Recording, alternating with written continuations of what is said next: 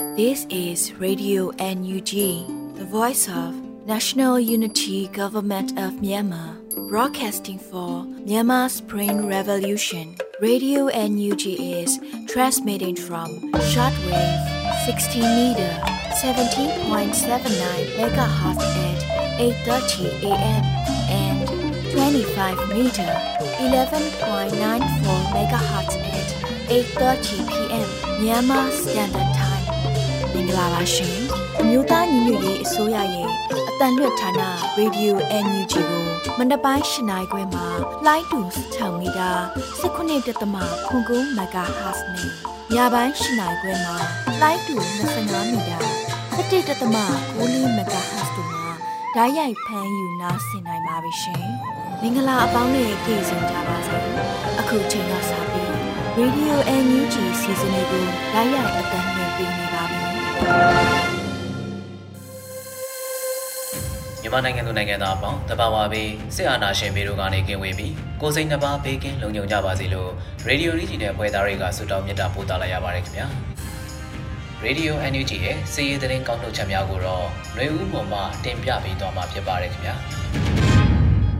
မင်္ဂလာပါရှင် ခုချိန်ကစပြီး2024ခုနှစ်ဇန်နဝါရီလ19ရက်ညပိုင်းမှာတင်ပြပေးမဲ့ Radio Energy စီးရီးသတင်းတွေကိုဖတ်ကြားတင်ပြပေးသွားမှာဖြစ်ပါတယ်။ခန္ဒီဒေသနှစ်ရက်တာတိုက်ပွဲတွင်စစ်ကောင်စီတပ်သား10ဦးထပ်မံသေဆုံးကြောင်းထုတ်ပြန်တဲ့သတင်းကိုဦးစွာတင်ပြပေးပါမယ်။စကိုင်းတိုင်းခန္ဒီမြို့နယ်နက်စီပွန်ဒေသတွင်စစ်ကောင်စီတပ်ကိုနှစ်ရက်တာစောင့်ဆိုင်တိုက်ခိုက်ခဲ့ပြီးစစ်သား10ဦးထပ်မံသေဆုံးခဲ့တယ်လို့နာဂပြည်သူ့ကာကွယ်ရေးတပ်မတော် NBDF Battalion ကသတင်းထုတ်ပြန်ထားပါတယ်။ ဇန်နဝါရီလ15ရက်နေ့နနက်9:00နာရီဝန်းကျင်ကနန်စီမွန်ဒေသရှိစစ်ကောင်စီတပ်နဲ့စစ်တလောက်ခန့်ရှမ်းနီတပ် SNA တို့တပ်ဆွဲထားရာချောင်းသုံးကစခန်းဒီမှာထိတွေ့တိုက်ပွဲဖြစ်ပွားခဲ့တယ်လို့ဆိုပါတယ်။ဇန်နဝါရီလ23ရက်ကလည်းငပြောတော့ဘက်ကနေစစ်ကြောင်းထုတ်လာတဲ့စစ်ကောင်စီစစ်ကြောင်းကိုသတင်းရရှိတာကြောင့်စောင့်ဆိုင်တိုက်ခိုက်ခဲ့ပြီး3.5မိနစ်မှ3.35မိနစ်အထိတိုက်ပွဲဖြစ်ပွားခဲ့တယ်လို့လည်းဆိုပါတယ်။ ဆိုပါတိုက်ပွဲနှစ်ရက်တာအတွင်းစစ်ကောင်စီတပ်သား10ဦးထပ်မံသေဆုံးခဲ့ပြီးထိခိုက်ဒဏ်ရာရသူများလည်းရှိတယ်လို့ MPDF Battalion တာဝန်ရှိသူတဦးဖြစ်တဲ့ရဲဘော်မိန်တန်ကပြောပြပါဗျ။စစ်ကောင်စီတပ်ကလက်နက်ကြီးသုံးပြီးပစ်ခတ်တာမျိုးတွေလုပ်နေတာကြောင့်လက်နက်သွားကောက်တာမျိုးကိုမလုပ်ခဲ့ဘူးလို့၎င်းတာဝန်ရှိသူကဆက်ပြောပါတယ်။တိုက်ပွဲတွင်နာဂပြည်သူ့ကာကွယ်ရေးတပ်မတော်မှရဲဘော်တဦးမစိုးရင်ရဒဏ်ရာရရှိခဲ့တယ်လို့လည်းသိရပါတယ်။ဆိုပါတိုက်ခတ်မှုကိုနာဂပြည်သူ့ကာကွယ်ရေးတပ်မတော် NPDF အရှိနာဂမြို့သားကာကွယ်ရေးတပ်မတော် ENDA နဲ့ ကချင်မြို့သားလူမျိုးရေးတပ်မတော် KIA တို့ပူးပေါင်းဆင်နွှဲခဲ့တာဖြစ်တယ်လို့သိရပါတယ်ရှင်။မရီယာမြို့နယ်ရှိတပန်းနောက်ရွာကိုစစ်ကောင်စီတပ်မီးရှို့ဖျက်ဆီးတဲ့တရင်ကိုဆက်လက်တင်ပြပေးပါမယ်။မန္တလေးတိုင်းမရီယာမြို့နယ်တပန်းနောက်ကြီးရွာကိုစစ်ကောင်စီစစ်ကြောင်းဝင်ရောက်မီးရှို့ဖျက်ဆီးခဲ့ရာနေအိမ်များနဲ့ကြက်ချံတစ်ချံမီးလောင်ပျက်စီးခဲ့တယ်လို့ဒေသခံများထံကသိရပါဗျ။ဇန်နဝါရီလ16ရက်နေ့လယ်12နာရီခန့်ကမရီယာမြို့နယ်30ပြီးရွာမှာတက်ဆွဲထားတဲ့စစ်ကောင်စီတပ်က ကားလေးစီးအင်အား80ခန့်နဲ့ AR မြေပေးရှိတပန်းနောက်ကြီးရွာကိုစစ်ကြောင်းထုံးဝင်ရောက်ခဲ့တာဖြစ်ပါတယ်။၎င်းစစ်ကောင်စီစစ်ကြောင်းဟာတပန်းနောက်ရွာကိုစစ်ကြောင်းထုတ်ဝင်ရောက်ပြီးနေငါးလုံးနဲ့ကြက်ချံတစ်ချံကိုမီးရှို့ဖျက်ဆီးသွားတယ်လို့မရီယာပကဖအဖွဲ့ပြန်ကြားရေးတာဝန်ခံကပြောပါတယ်။အဲဒီလိုစစ်ကြောင်းထုတ်ဝင်ရောက်ခဲ့တာကြောင့်ဒေသခံပြည်သူ900လောက်ကနေရစွခွာတိမ်းရှောင်နေရတယ်လို့၎င်းကဆက်ပြောပါတယ်။ဇန်နဝါရီလ19ရက်နေ့ဒီကနေ့မှာလည်းမရီယာမြို့နယ်အတွင်းမှာစစ်ကောင်စီစစ်ကြောင်းလှုံ့ဆော်မှုချုပ်ရှိနေသေးတယ်လို့လည်းသိရပါတယ်။ ဇန်နဝါရီလ15ရက်နေ့ကလည်းမရီယာမြို့နယ်အုံကုန်းကျေးရွာကိုစစ်ကောင်စီတပ်ကတိုက်ပွဲဖြစ်ပွားခြင်းမရှိဘဲလက်နက်ကြီးနဲ့ပစ်ခတ်ခဲ့တာကြောင့်အဖွားအိုတူသေးဆုံးခဲ့က9ဦးထိခိုက်ဒဏ်ရာရရှိခဲ့ပါသေးတယ်ရှင်။စစ်တပ်ကရှမ်းမြောက်ဒေသကိုထိုးစစ်ဆင်တိုက်ခတ်မှုများဆက်တိုက်လှုံ့ဆော်နေပြီးစစ်ရေးလှုပ်ရှားမှုမရှိတဲ့ကိုကန်ဒေသမှာတိုက်ပွဲဖြစ်ပွားတဲ့တဲ့ရင်ကိုတင်ပြပေးပါမယ်။ ရှမ်းပြည်နယ်မြောက်ပိုင်းကိုဂျမတ်စစ်တပ်ကထိုးစစ်ဆင်တိုက်ခတ်မှုများဇက်တိုက်လှုံ့ဆော်နေပြီးစစ်ရေးလှုံ့ဆော်မှုမရှိတဲ့ကိုကန်ဒေသမှာလည်းတိုက်ပွဲဖြစ်ခဲ့တယ်လို့ညီနောင်မဟာမိတ်သုံးဘွဲကထုတ်ပြန်ပါတယ်။ရှမ်းမြောက်ဒေသမှာရှိတဲ့နယ်မြေတွေကိုဇန်နဝါရီလ23ရက်နေ့ကစပြီးစစ်ကောင်စီကထိုးစစ်ဆင်တိုက်ခိုက်နေတာလို့တစ်တုံညာနှစ်ကုန်စစ်စင်ရေး80ရက်မြောက်တိုက်ပွဲသတင်းတွေထုတ်ပြန်ရမှာညီနောင်သုံးဘွဲကပြောဆိုလိုက်တာဖြစ်ပါတယ်။ညီနောင်မဟာမိတ်တပ်တွေဘက်ကစပြီးထိုးစစ်ဆင်တာမရှိသေးတဲ့အတွက်ခုရက်ပိုင်းတွေမှာထိတွေ့တိုက်ပွဲတွေကြီးကြီးမားမားမရှိပေမဲ့ ဇန်နဝါရီ23ရက်နောက်ပိုင်းမှာတိုက်ပွဲတွေဆက်ဖြစ်နေတယ်လို့အသိပေးထားပါတယ်။ထို့အတူစစ်ကောင်စီတပ်စခန်းတွေကလက်နက်ကြီးတွေနဲ့ပစ်ခတ်တိုက်ခိုက်မှုပါဝင်လေးချောင်းတိုက်ခိုက်မှုတွေလည်းရခိုင်အတိုင်းရှိနေတယ်လို့ဆိုပါတယ်။ကိုကန်တက်မတော် MND ရဲ့စီရေးလှုပ်ရှားရာကိုကန်ဒေတာမှာလက်တလုံးစီရေးလှုပ်ရှားမှုမရှိပေမဲ့ဇန်နဝါရီလ16ရက်မှာတိုက်ပွဲဖြစ်ခဲ့တာရှိတယ်လို့သိရပါတယ်။ကိုကန်ဒေတာရင်းကစစ်ကောင်စီလက်ကျန်တပ်ဖွဲ့ဝင်ချို့ဟာ ကိုကန်တပ်ဖွဲ့ဝင်တွေအခြေချတက်ဆွဲရာကချင်တောင်ဘက်မီတာ30အကွာသို့ဝေးရောက်လာပြီးလက်ပစ်ဘုံနဲ့တိုက်ခိုက်ခဲ့တဲ့အတွက်မိနစ်20ကျော်ကြာထိတွေ့တိုက်ပွဲဖြစ်ခဲ့တယ်လို့ထုတ်ပြန်ချက်မှာဖော်ပြထားပါတယ်။စစ်ကောင်စီတပ်ဖွဲ့ကိုပြန်လည်တိုက်ခိုက်ခဲ့ရမှာမိမိတို့ရဲ့ပြန်လှန်ထိုးစစ်ကိုမခံနိုင်ပဲစုတ်ခွာထွက်ပြေးသွားတဲ့နောက်မှာလည်း60မမလက်နက်ကြီးနဲ့3ချိန်ပစ်ခတ်ခဲ့တယ်လို့လည်းအသိပေးထားပါတယ်။လာဒူရှမ်းမြောက်ဒေသရင်းကမိုးမိတ်ကုတ်ခိုင်နဲ့ကြောင်မဲမြို့နယ်တွေကိုစစ်ကောင်စီတပ်တွေကလက်နက်ကြီးနဲ့ပစ်ခတ်တိုက်ခိုက်တာနဲ့လေကြောင်းတိုက်ခိုက်မှုတွေ ဆက်လက်ပြုလုပ်ခဲ့တယ်လို့ညီနောင်မဟာမိတ်သုံးဘွဲကထုတ်ပြန်ထားပါတယ်ရှင်။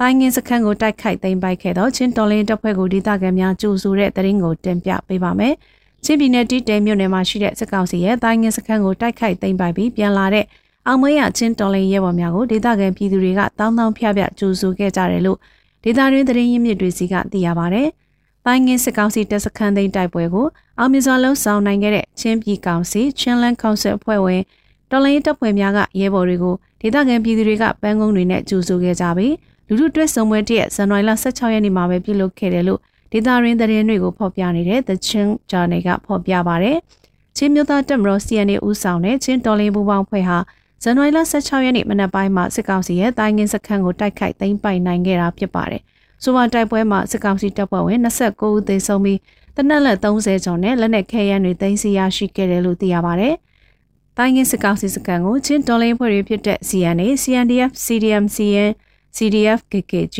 CDF တန်တလန် CDF ဟာကာ PDA နဲ့ CDF ဟွာငေါ်တို့ကဇန်နဝါရီလ12ရက်နေ့ညနေကစပြီးတိုက်ခိုက်ခဲ့တာဖြစ်ပြီးချင်းတော်လင်းပူပေါင်းဖွဲ့ဘက်ကရဲဘော်ရှိဦးကြဆုံးခဲ့ကတရားရသူတွေလည်းရှိခဲ့ပါတယ်ရှင်။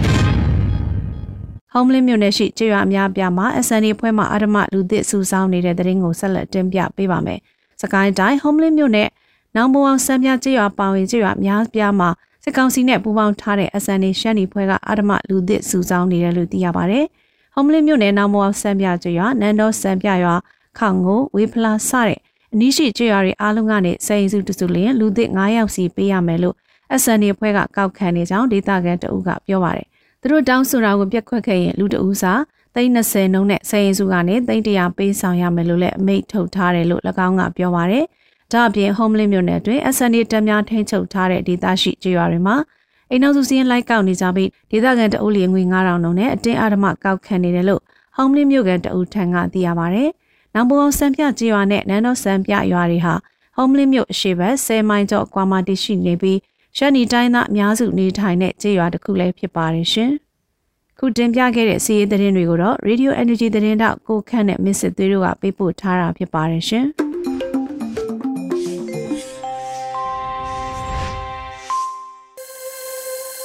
စစ်ရေးသတင်းကောင်းတို့ချက်များကိုနာတော်တာဆင်ခဲ့ကြရတာဖြစ်ပါတယ်။ဆက်လက်ထုတ်လွှင့်ပေးမှာကတော့ပြည်တွင်းသတင်းကဏ္ဍပဲဖြစ်ပြီးຫນွေဦးမော်မှတင်ပြပေးထားပါတယ်ခင်ဗျာ။မင်္ဂလာညချမ်းပါရှင်။ 2024ခုနှစ်ဇန်နဝါရီလ19ရက်နေ့ Radio NUG ပြည်တွင်းသတင်းတွေကိုတင်ပြပေးသွားပါမယ်။ကျွန်မကတော့ຫນွေဦးမော်မှနမ်ခံမြို့ရင်တအောင်နုပညာအကယ်ဒမီကျောင်းဖွင့်လှစ်တဲ့သတင်းကိုတင်ပြပေးပါမယ်။ရှမ်းပြည်နယ်မြောက်ပိုင်းတအောင်ပြည်နယ်တမဟာတစ်စစ်ဒေသမန်အောင်ခိုင်နမ်ခမ်းမြို့နယ်မှာတအောင်နုပညာအကယ်ဒမီကျောင်းပတ်စဉ်တစ်ဖွင့်ခဲ့တယ်လို့ TNL သတင်းနဲ့ပြန်ကြားရေးကထုတ်ပြန်ထားပါတယ်။ဆိုပါတင်တန်းမှာအသက်16နှစ်ကနေအသက်30ကြားရှိတဲ့ တအောင်လူငယ်တွေပါဝင်အကြောင်းသူကျောင်းသားစုစုပေါင်း30ဦးတက်ရောက်နေတယ်လို့သိရပါတယ်။တင်တန်းကာလ3နှစ်ကြာမြင့်မှာဖြစ်ပြီးသုံးသုံခွဲပြီးတင် जा ပေးမှာဖြစ်တယ်လို့ဆိုပါတယ်။ဆိုပါတင်တန်းမှာဘာသာရပ်15ခုရှိပြီးတအားလူမျိုးတို့ရဲ့ရွေးရရင်ကျင်းမှုအမွေးနေ့များကိုထိမ့်သိမ်းသွားနိုင်မှုအတွက်တအားရည်ကျင်းမှုဆိုင်ရာအစိုးအကအရေးအတီးတွေကိုပါသင်ကြားပေးမှာဖြစ်တယ်လို့သိရပါဗျ။တအားနုပညာအကယ်ဒမီကျောင်းကိုတအားဂီတာနဲ့ရုပ်ရှင်စီယုံ TMFA ကဦးဆောင်ပြီး ဇန်နဝါရီလ15ရက်နေ့မှာဖွင့်လှစ်ခဲ့တာဖြစ်ပါတယ်။ကျောင်းဖွင့်ပွဲကို PSLF TNL ဒုတိယဥက္ကဋ္ဌတစ်ဗိုလ်ချုပ်တားချုပ်ကြားတွဲဘက်တွင်မှုတစ်ဗိုလ်မှူးကြီးတာအိုင်မာအုပ်ချုပ်ရေးဌာနမှဗိုလ်မှူးကြီးတာကူစာတအောင်စာပေနဲ့ရည်ကြည်မှုကော်မတီဝင်များရမီရဖများနဲ့ကျောင်းသူကျောင်းသားစုစုပေါင်းလူဦးရေတရားနီးပါးတက်ရောက်ခဲ့တယ်လို့ TNL သတင်းနဲ့ပြန်ကြားရေးကထုတ်ပြန်ထားပါတယ်ရှင်။ဆက်လက်ပြီး 2024ခုနှစ်စ16ရက်တာအတွင်းစစ်ကောင်စီရဲ့လေးချောင်းနဲ့လက်နက်ကြီးပစ်ခတ်မှုကြောင့်ပြည်သူ80ကျော်သေဆုံးခဲ့ရတဲ့တဲ့ရင်ကိုတင်ပြပေးပါမယ်။နိုင်ငံဝက်ချမ်ပစစ်ကောင်စီရဲ့လေးချောင်းနဲ့လက်နက်ကြီးပစ်ခတ်မှုကြောင့်2024ဇန်နဝါရီလ1ရက်နေ့ကနေ16ရက်နေ့အတွင်းပြည်သူ90ကျော်သေဆုံးခဲ့ရတယ်လို့ AAPP ကထုတ်ပြန်ထားပါတယ်။ဂျမတ်စစ်တပ်ရဲ့လေကြောင်းတိုက်ခတ်မှုကြောင့်16ရက်တာအတွင်းနိုင်ငံတော်ဝန်ကရဲသားပြည်သူမြို့သမီး19ဦးနဲ့မြို့သား22ဦးစုစုပေါင်း39ဦးသေဆုံးခဲ့ရတယ်လို့ AAPP ကဆိုပါတယ်။လေကြောင်းတိုက်ခတ်မှုကြောင့်ရဲသားထိခိုက်သေဆုံးမှုတွင်စကိုင်းတိုင်းကအများဆုံးဖြစ်ခဲ့ပြီး25ဦးသေဆုံးခဲ့တယ်လို့သိရပါတယ်။အလားတူစစ်ကောင်စီရဲ့လက်နက်ကြီးပစ်ခတ်မှုကြောင့်နိုင်ငံတော်ဝန်ကရဲသားပြည်သူမြို့သမီး15ဦးနဲ့မြို့သား23ဦးစုစုပေါင်း38ဦးသေဆုံးခဲ့ရတယ်လို့ဆိုပါတယ်။ဆိုပါသေဆုံးမှုများတဲ့တွင်ရခိုင်ပြည်နယ်ကအများဆုံးဖြစ်ပြီး18ဦးထိသေဆုံးထားတာဖြစ်ပါတယ်။2024နှစ်အစ16ရက်တာကာလအတွင်း စစ်ကောင်စီရဲ့လေကြောင်းနဲ့လက်နက်ကြီးသုံးကျန်းဖက်တိုက်ခိုက်မှုများကြောင့်ရဲသားပြည်သူစုစုပေါင်း89ဦးထိသေဆုံးခဲ့ရပါတယ်။ပြီးခဲ့တဲ့ဇန်နဝါရီလ9ရက်နေ့မှာစကိုင်းတိုင်းတမူးမြို့နယ်ကာနယ်ကြီးရွာကိုလေကြောင်းကနေပုံကျဲခဲ့တာကြောင့်တမပြည့်သေးတဲ့ကလေးငယ်9ဦးပါဝင်18ဦးသေဆုံးပြီး19ဦးဒဏ်ရာရရှိခဲ့ပါတယ်ရှင်။ခုတင်ပြခဲ့တဲ့သတင်းတွေကို Radio NUG သတင်းတောက်ကိုခန့်နဲ့မစ်စစ်သွေးတို့မှပေးပို့ထားတာဖြစ်ပါတယ်ရှင်။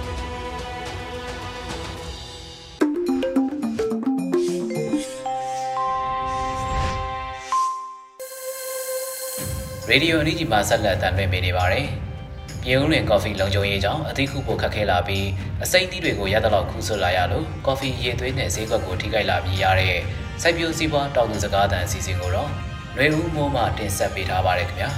။ Radio NUG ကိုနားဆင်နေကြတဲ့ပရိသတ်များခင်ဗျာ။အခုတင်ဆက်ပေးမယ့်အစီအစဉ်ကတော့စိုက်ပျိုးစည်းပွားတောင်သူစကားသံအစီအစဉ်ကိုနားဆင်ကြရမှာပါ။ပြည်ဦးလွင်လုံခြုံရေးကြောင့်ကော်ဖီအသီးခုဖို့ခက်ခဲလာပြီး အစိမ့်သီးတွေကိုရသလောက်ခုဆွလာရလို့ကော်ဖီအရေးသွေးနဲ့စုခက်ကိုထိခိုက်လာပါတယ်ဒီသတင်းကိုမတ်ကြီးမုံကပေးပို့ထားပါတယ်ခင်ဗျာ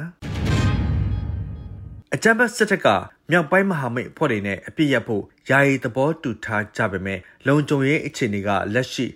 2024ကော်ဖီရာသီမှာတီလုံးအမက်ကိုစောင့်ခူးနိုင်တဲ့အခြေအနေမရှိတာကြောင့်ကော်ဖီတီလုံးအစိမ်းတွေကိုခုဆွရောင်းချလာကြတာပဲဖြစ်ပါတယ် ဒီအခြေအနေကိုပြည်ဦးလွင်ကော်ဖီရောင်းဝယ်သူတူကအခုလိုပြပြပါတယ်အဓိကတော့ကျွန်တော်တို့ဒီပြည်ဦးလွင်ဒီဘက်မှာနောင်ချိုဘက်ဒီဟိုဘက်ဝုံဝုံဘက်ပေါ့နော်အဲ့ဘက်တွေကအခုမတည်ငြိမ်တော့တို့တွေကဘာခေါ်လဲဒီအလုပ်သမားတွေကမသွားနိုင်ဘူးပေါ့နော်သွားနိုင်တော့သူတို့ခင်းပြတဲ့အချိန်မှာသူတို့လာလို့ရတဲ့အချိန်မှာတခါလဲအပြီးခုရတာပေါ့2010နဲ့2013ခုနှစ်နောက်ပိုင်းကစပြီးမြန်မာကော်ဖီအရေးသွေးတက်လာအောင်အမေရိကန်ပြည်ထောင်စုကအကူအညီပေးလာတဲ့နောက်ပိုင်းကမ္ဘာဈေးကွက်ဝင် အရေးအသွေးမြင့်တဲ့အထူးတန်းကော်ဖီတွေထုတ်လုပ်လာနိုင်ခဲ့ပြီးအမေရိကဥရောပဩစတြေးလျနဲ့ဂျပန်နိုင်ငံအထိတင်ပို့လာနိုင်ခဲ့ပါတယ်။ဒါအပြင်ရေလန်းစစ်တင်ပို့တဲ့ပုံမှန်ကုန်သွယ်ရေးထက်ဈေးစကပိုသက်တာတဲ့နေဆက်ကုန်သွယ်ရေးကတဆင့်တရုတ်နဲ့ထိုင်းနိုင်ငံကိုလည်းတင်ပို့ခဲ့တာဖြစ်ပါတယ်။ကော်ဖီနဲ့အတူတွဲဖက်စိုက်ပျိုးလေးရှိတဲ့မကဒမီးယားနဲ့ထောပတ်တွေကိုလည်းနေဆက်ကတဆင့်တင်ပို့နေတာဖြစ်လို့ ကုန်သွယ်မှုတန်ဖိုးအများဆုံးဖြစ်တဲ့မူဆယ်နယ်ဆက်ကုန်သွယ်ရေးလုပ်ငန်းတွေပြီးခဲ့တဲ့အော်တိုဘာလကုန်ပိုင်းလောက်ကစပြီးလုံခြုံရေးအခြေအနေကြောင့်ရက်ဆိုင်သွားတဲ့အခါတီးနှံထွက်ကုန်တွေအပြင်လုပ်ငန်းသုံးဆက်ပစ္စည်းတွေလည်းတင်သွင်းနိုင်တာမျိုးမရှိတော့ပါဘူးဒီခက်ခဲတွေကိုရှမ်းပြည်တောင်ပိုင်းရွာငံမြို့နယ်မှာကော်ဖီစိုက်ပျိုးထုတ်လုပ်သူတို့ကအခုလိုပြောပါတယ်အခုကတော့ကုန်စည်စည်းစိမ်မှုကိုပန်းရတော့ရက်သွားတာပဲလေအကုန်လုံးရက်သွားတယ်ဆိုတာငါတို့စက်တွေလည်းတည်မရတော့ကော်ဖီကွန်ကျိုးစက်တွေလည်းအထူးတန်းကော်ဖီကို ပြည်ဦးလွင်ဒေသအပါအဝင်မြန်မာနိုင်ငံထဲကကုန်းမြင့်ကော်ဖီထုတ်လုပ်တဲ့ဒေသတွေမှာထုတ်လုပ်ကြတာဖြစ်ပါတယ်။ဒီလိုအရေးသွေးရဖို့အစိမ့်တိမပါတဲ့ကော်ဖီတိအမက်ကိုရွေးချယ်ခုဆွတ်နိုင်ဖို့ကအဓိကကြပါတယ်။ကော်ဖီတိအမက်ခုဆွတ်ဖို့ခက်ခဲတဲ့အတွက်ပြည်ဦးလင်ကထွက်ရှိတဲ့ကော်ဖီတန်ချိန်3သိန်း3000ကျော်ရဲ့25ရာခိုင်နှုန်းဟာအရေးအသွေးကိုထိခိုက်ရသလိုကျန်တဲ့ 85ရာခိုင်နှုန်းကလည်းအချိန်အခါမီအသီးစွခူးနိုင်ဖို့အခက်အခဲရှိလာပါတယ်။ဒါကြောင့်နှက်ကော်ဖီလို့ခေါ်ဝေါ်ကြတဲ့ 2+1 ကော်ဖီကုန်ချော်ထုတ်လုပ်မှုများတဲ့ပြင်ဦးလင်ကော်ဖီခက်ခဲဟာပြည်ရင်းကော်ဖီဈေးကွက်ကိုပါတက်ရောက်မှုရှိလာနိုင်တဲ့အခြေအနေကိုပြည်ဦးလင်ကော်ဖီထုတ်လုပ်သူကအခုလိုပြောပါတယ်။နံပါတ်1ကတော့ကျွန်တော်တို့ကအချိန်မှာတော့ဒီနေ့ဒီတစ်ခုလုံးတကဘာမှမှန်းလို့မရဘူးပေါ့နော်။မှန်းလို့မရဘူးဆိုတော့ကျွန်တော်တို့လည်း ဆိုဆိုရင်လည်းကော်ဖီဆိုင်တွေ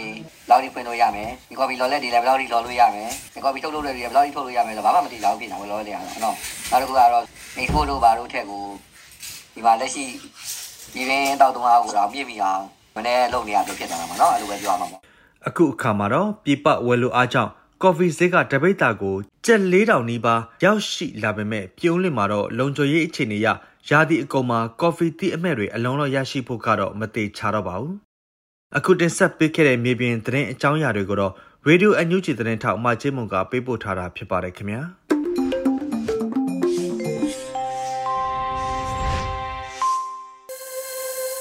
နာတော်တာရှင်မိဘပြည်သူများအတွက်ဆက်လက်ထုတ်လွှင့်ပေးမှာကတော့တော်လန်ရေးကြပြကဏ္ဍပဲဖြစ်ပါတယ်အောင်လုံးကိုရိုင်းရေးသားပြီးကိုရိုင်းခန်းစားရွတ်ဖတ်တဲ့တမိုင်းရဲ့ကြံပြအမိရတဲ့တော်လိုင်းကြပြကိုနားတော်တာဆင်ကြားမှာဖြစ်ပါတယ်ခင်ဗျာ။ဘာမှမညာအောင်တောင်းမှာပါ တော်ရရောအားတကယ်တောင်းမှာပါ။တော်ရဆိုင်လီ2022ခုနှစ်မေလ17ရက်နေ့ပြည်မိတ်စာထုတ်ပြန်ပြီးချိန်မှစပြီးတင်အားတက်အင်အားမှအပီးအပိုင်ထုတ်ပယ်လိုက်တော့ကြောင့်မိမိတို့တပ်ဖွဲ့နှင့်မသက်ဆိုင်တော့သဖြင့်တင်သွားလို့ရသွားနိုင်ပြီတမိုင်းရဲ့ကျေများရဲဘော်တင်သွားလို့ရသွားနိုင်ပြီဒီခေတ် ဒီအခြေအနေဒီလူတွေနဲ့မင်းယုံကြည်တဲ့တော်လိုင်းရေးထဲမှာငါတို့ကိုထားခဲ့ရဲဘော်ကြီးမင်းရဲ့သွေးတစ်စက်ဟာငါတို့အတွက်စေးမိမိသားစုရဲ့မျက်ရည်ဟာငါတို့အတွက်တွန်းအားမင်းယုံကြည်ချက်ကတော့ငါတို့ဦးကောင်းကိုညွတ်ကြစေတာပေါ့လူသေးတွေပေါ်စိုက်တဲ့အောင်လန်ဟာ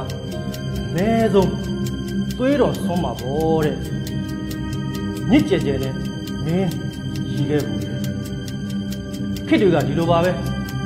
မင်းမကြိုက်တဲ့စစ်ပွဲတွေအတွက်ယုံကြည်ချက်ကိုထမ်းတည်စေနိုင်တဲ့တနက်ကိုကင်ပြီးရေမောပျော်ရွှင်နေတဲ့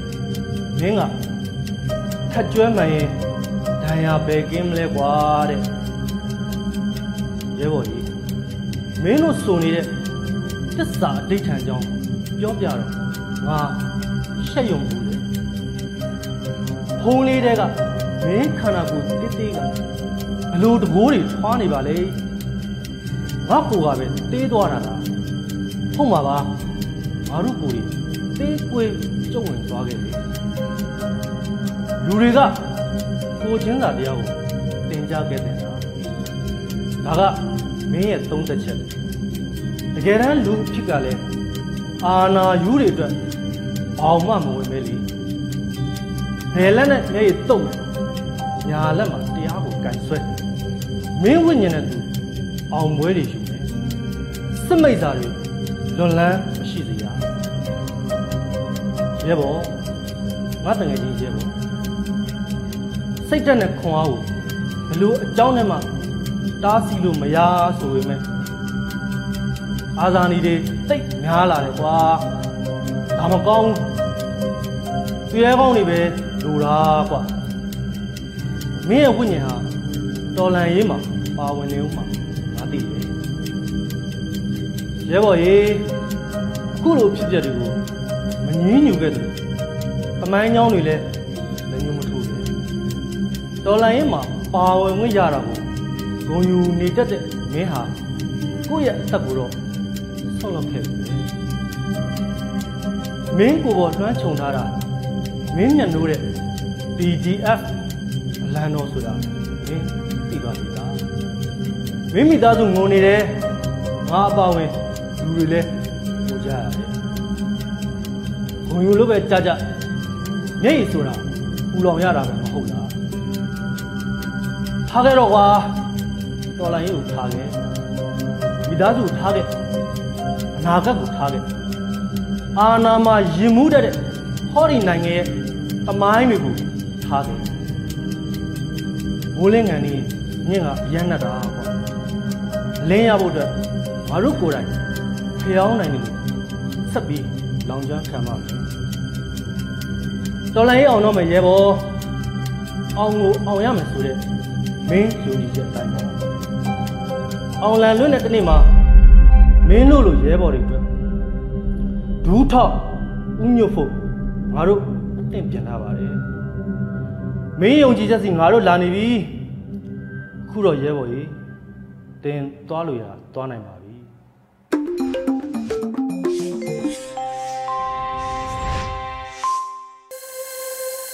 ရေဒီယိုအန်ဒီဂျီမှာဆက်လက်အသံလွှင့်ပေးနေပါတယ်တော်လန်ရေးဤအောင်မြင်ခြင်းအလှကပါအပိုင်း64မြို့သမီးကဏ္ဍကိုတော့ Flora Han မှတင်ဆက်ပေးထားပါတယ်ခင်ဗျာ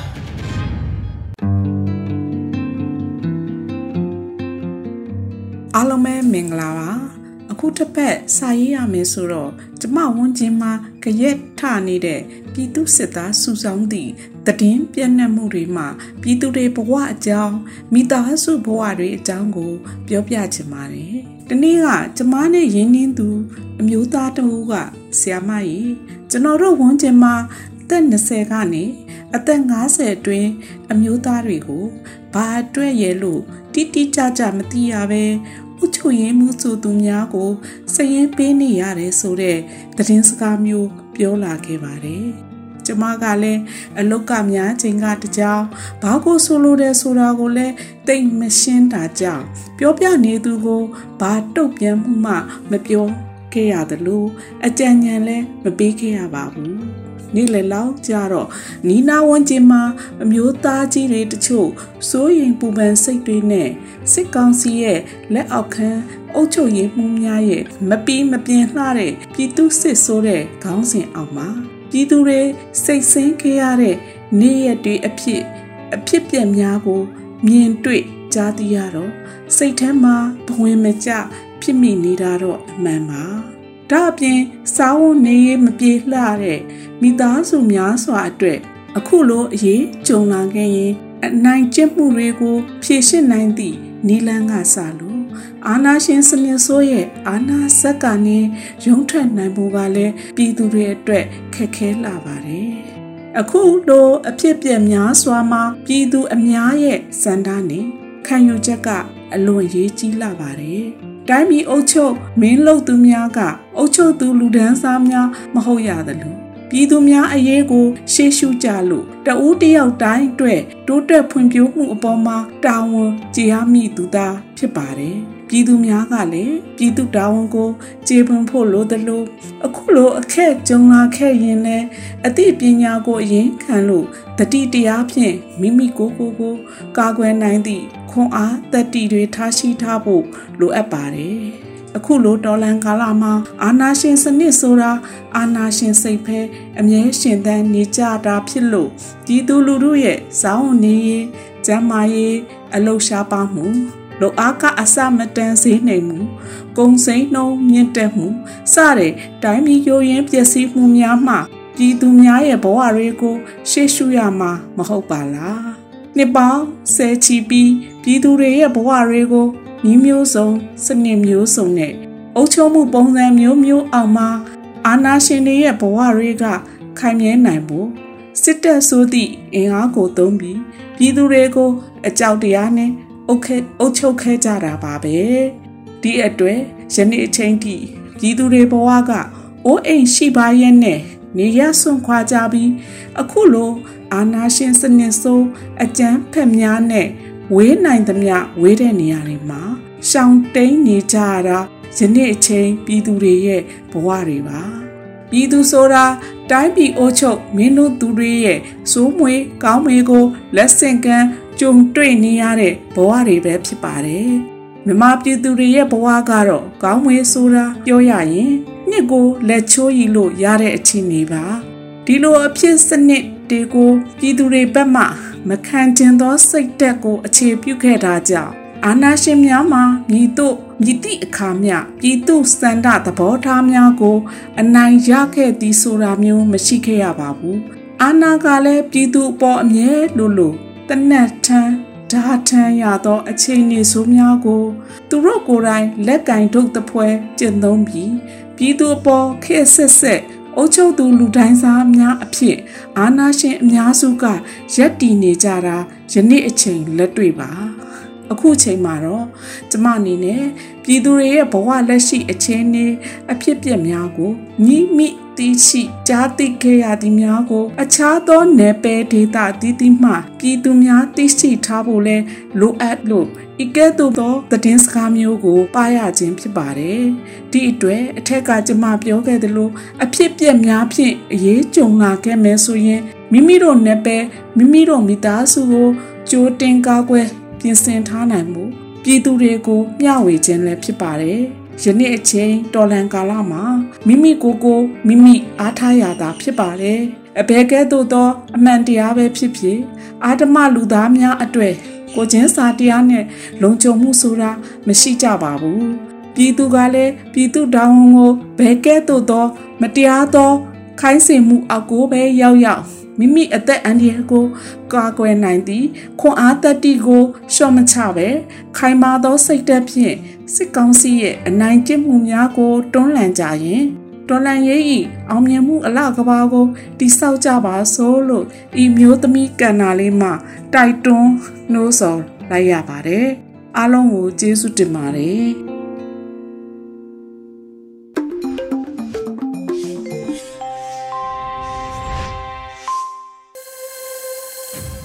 NUG ရဲ့ညနေပိုင်းအစီအစဉ်များကိုဆက်လက်တင်လွှင့်ပေးနေပါတယ်။အခုနောက်ဆုံးအစီအစဉ်အဖြစ်တော်လိုင်းရေးတေဂီတာအစီအစဉ်မှာတော့ຫນွေဦးချစ်သူရေးသားပြီး Guys from Chain တည်ဆိုထားတဲ့ဖြစ်ခွင့်ရှိတယ်ချစ်ခွင့်ရှိတယ်တော်လိုင်းရေးတေဂီတာကိုနားတော်တာဆင်ကြမှာဖြစ်ပါတယ်ခင်ဗျာ။။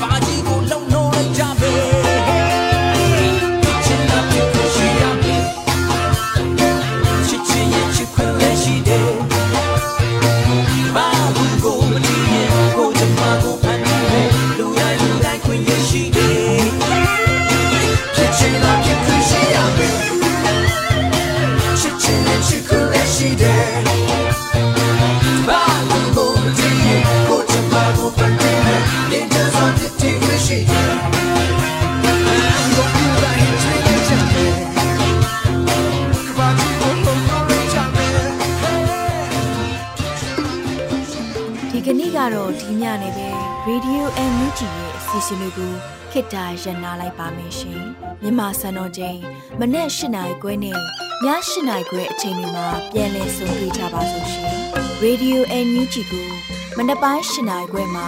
လိုင်းတူ16မီတာ19.7 MHz နဲ့ညပိုင်း၈နိုင်ခွဲမှာလိုင်းတူ25မီတာ17.6 MHz တို့မှာဓာတ်ရိုက်ဖမ်းယူနားဆင်နိုင်ပါပြီရှင်။ မြန်မာနိုင်ငံသူနိုင်ငံသားများကိုစိတ်နှဖျားစမ်းမချမ်းသာလို့ဘေးကင်းလုံခြုံကြပါစေလို့ Radio NUG ရဲ့ဖွဲ့သူဖွဲ့သားများကဆုတောင်းလိုက်ရပါတယ်။ San Francisco Bay Area အခြေဆိုင်မြန်မာမိသားစုများနဲ့နိုင်ငံတကာကစေတနာရှင်များလို့အားပေးကြတဲ့ Radio NUG ဖြစ်ပါတယ်ရှင်။အရေးတော်ပုံအောင်ရမည်